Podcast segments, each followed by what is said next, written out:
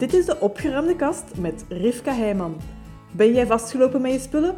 Helemaal welkom, want als voormalig rommel komt, kan ik er namelijk van meespreken.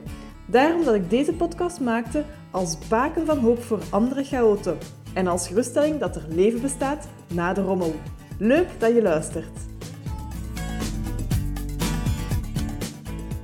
Welkom in aflevering nummer 29. Vandaag ga ik jou eventjes meenemen in hmm, spullen bijhouden vanuit um, zuinigheid, is denk ik nog het beste woord. En dat is iets wat ik, oh, wat al als kind in mij zat, dat ik spullen kon bijhouden zo lang totdat ik ze niet meer kon gebruiken. En uh, het soort spullen waar dat ik dat als kind het vaakste mee heb uh, meegemaakt, is mijn snoepvoorraad. Dus uh, wij, hadden, wij hadden als kind geen uh, standaard ja, snoepkast of zo bij ons thuis, waar dat we zomaar in mochten zitten of zo. Dat was strikt gereglementeerde ja, inhoud. Dus we hadden wel een chocoladedoos, maar daar mochten we één keer per week max eigenlijk kregen wij op zaterdag een stuk chocolade, een reep chocolade als dessert. En voor de rest ging die doos niet open en hadden wij ook nooit snoep of, of ja, echt koeken of zo in huis. Dat was er niet. Dus als we op andere manieren als kind ja, snoep hadden dat ons leven inkwam, dan was dat bij mij alleszins iets heel kostbaars. Iets dat gekoesterd moest worden.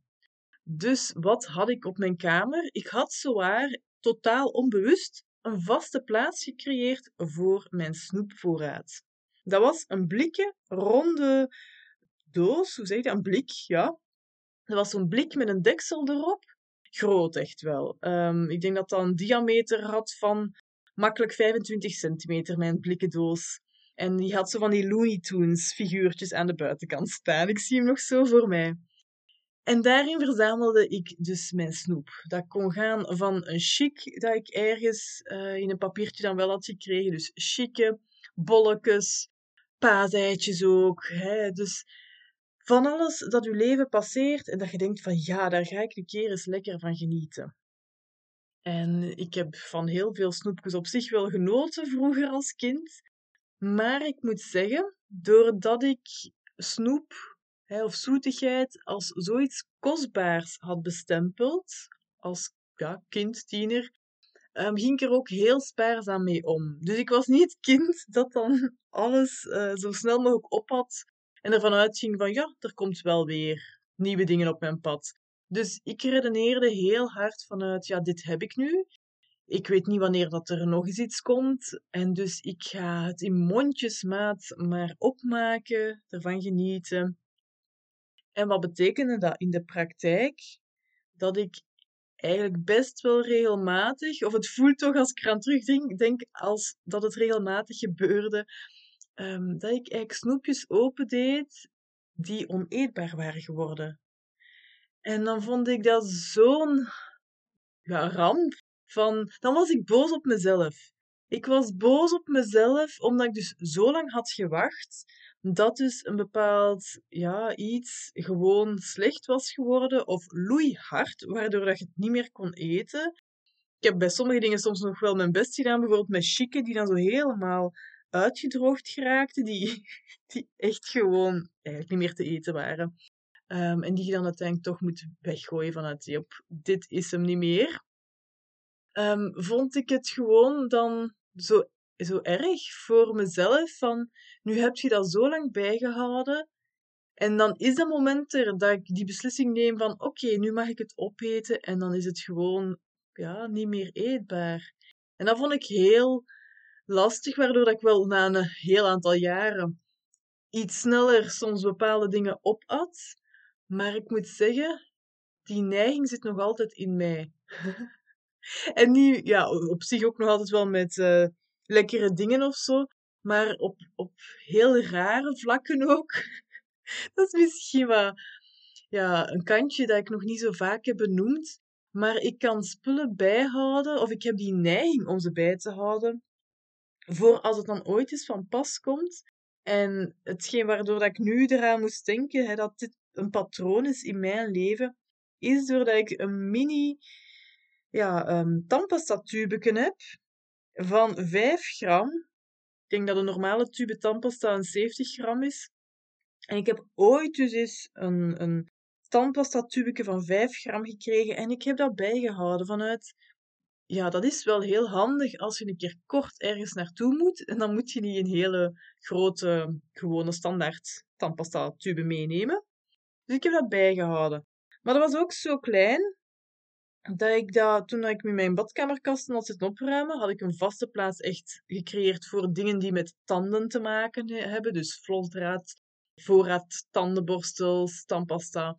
Dus echt dat samengebracht, want dat stond ook in verschillende kastjes in de badkamer. Dus dan naar één plaats gebracht. En toen is dat klein tubeke in een doosje terechtgekomen waar dat ik niet kon doorkijken. En dat lag dus op de bodem van dat doosje.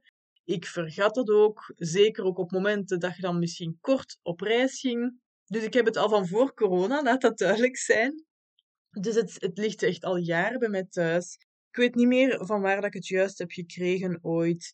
Maar een paar weken geleden gingen mijn twee zonen op weekend met de jeugdbeweging. En had ik, ja, het is eigenlijk het eerste jaar dat ze allebei op weekend gaan. Want daarvoor was de jongste het jong. En nu zijn ze dus allebei op hetzelfde moment dan weg. En had ik dan twee tubes tandpasta nodig die ik moest meegeven. Dus ik was aan het zoeken. Want ik had voor de kinderen, heb ik niet een grote voorraad tandpasta. Dus ik zocht naar, oké, wat kan ik dan meegeven aan de tweede zoon? En ik kwam dat mini-tubeke tegen. En ik denk, ja, dat is het antwoord. Twee nachtjes, dat moet lukken met 5, 5 gram.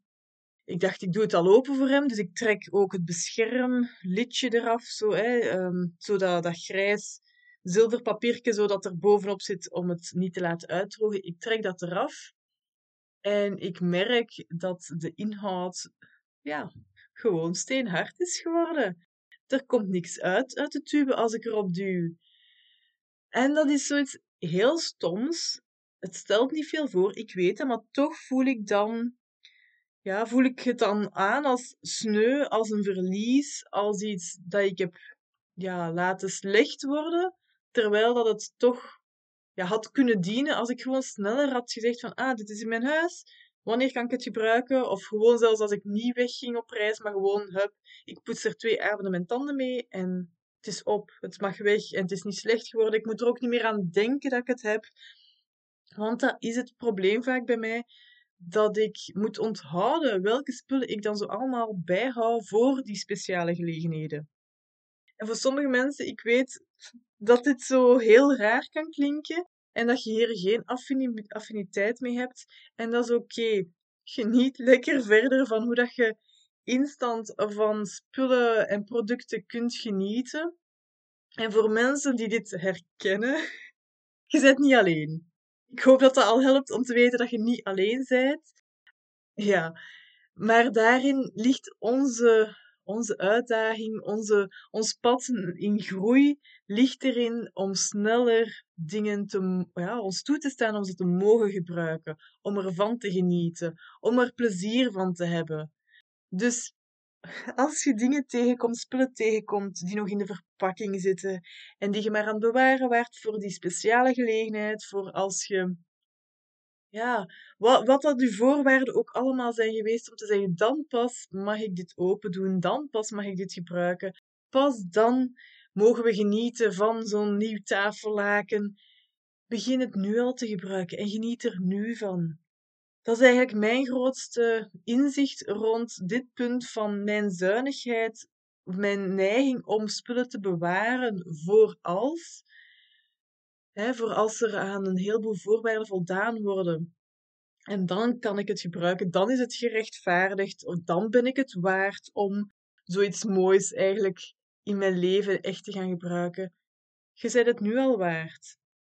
En dat klinkt raar ergens, dat ik dit eraan koppel, maar voor mij komt dat er wel vaak op neer dat ik, ja, dat ik eigenlijk er een heleboel dingen aan vasthang aan een bepaald voorwerp, om dan pas te kunnen zeggen van, ja, dan, dan is het gerechtvaardigd om het te mogen gebruiken, om het open te doen, om zoiets moois in gebruik te nemen of op te maken. Dus geniet van die dingetjes dat je hebt Maak het vandaag speciaal.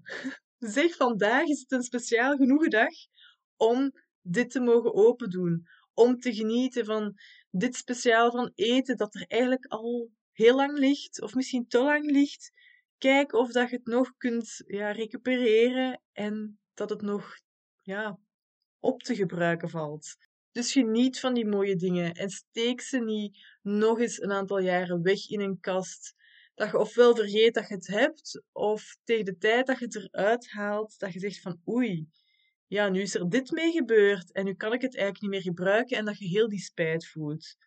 Dat is eigenlijk ja, mijn grootste leerweg al geweest van ik durf spullen echt al veel sneller gebruiken. Ook als ik iets krijg, hè, bijvoorbeeld een doos chocolaatjes of zo, in plaats van die neiging die ik nog altijd voel van ja, maar ik ga het bewaren voor als. Vul iets speciaals in.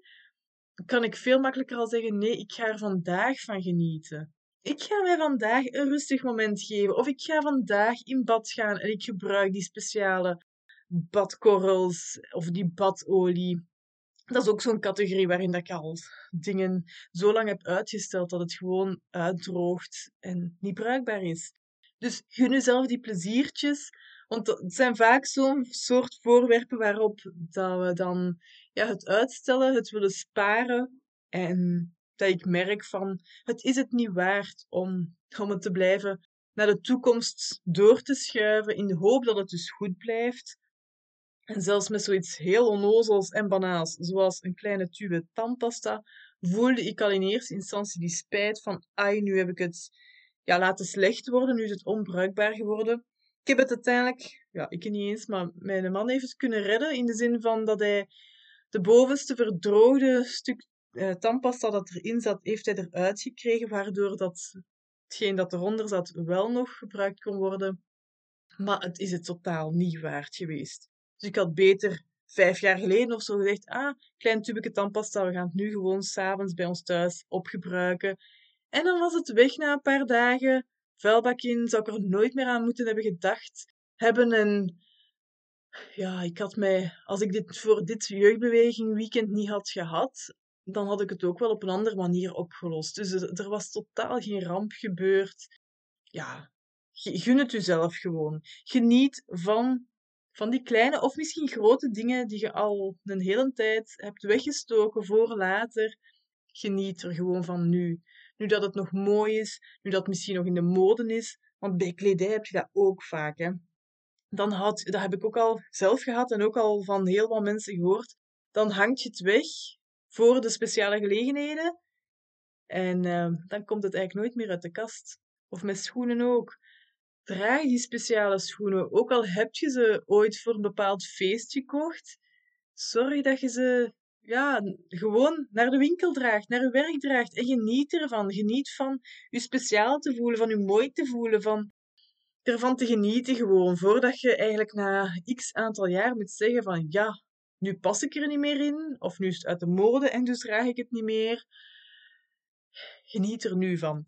Dat is de clue van vandaag. Geniet nu van de spullen die dat je al hebt en steek ze niet langer weg wacht niet tot het moment dat ze uit elkaar vallen, of uitgedroogd zijn, of slecht zijn geworden. Ah, geniet nu. De spijt weegt niet op tegen jezelf toestemming geven om gewoon nu het te pakken, te openen en het te gebruiken. Ervan te genieten. Voilà, dat is de boodschap. Geniet vandaag. Ziezo, dat was het voor deze aflevering van de opgeruimde kast. Vond je deze aflevering waardevol? Deel het dan met iemand die er ook mee geholpen is en laat een review achter. Ik vind het trouwens leuk om berichtjes van luisteraars te ontvangen als een aflevering een bepaald inzicht gaf of iets in beweging zette. Laat het me weten, ook als je vragen of suggesties hebt natuurlijk. Dat kan via contact@goedgeschikt.be. Heel fijn dat je erbij was en graag tot de volgende keer.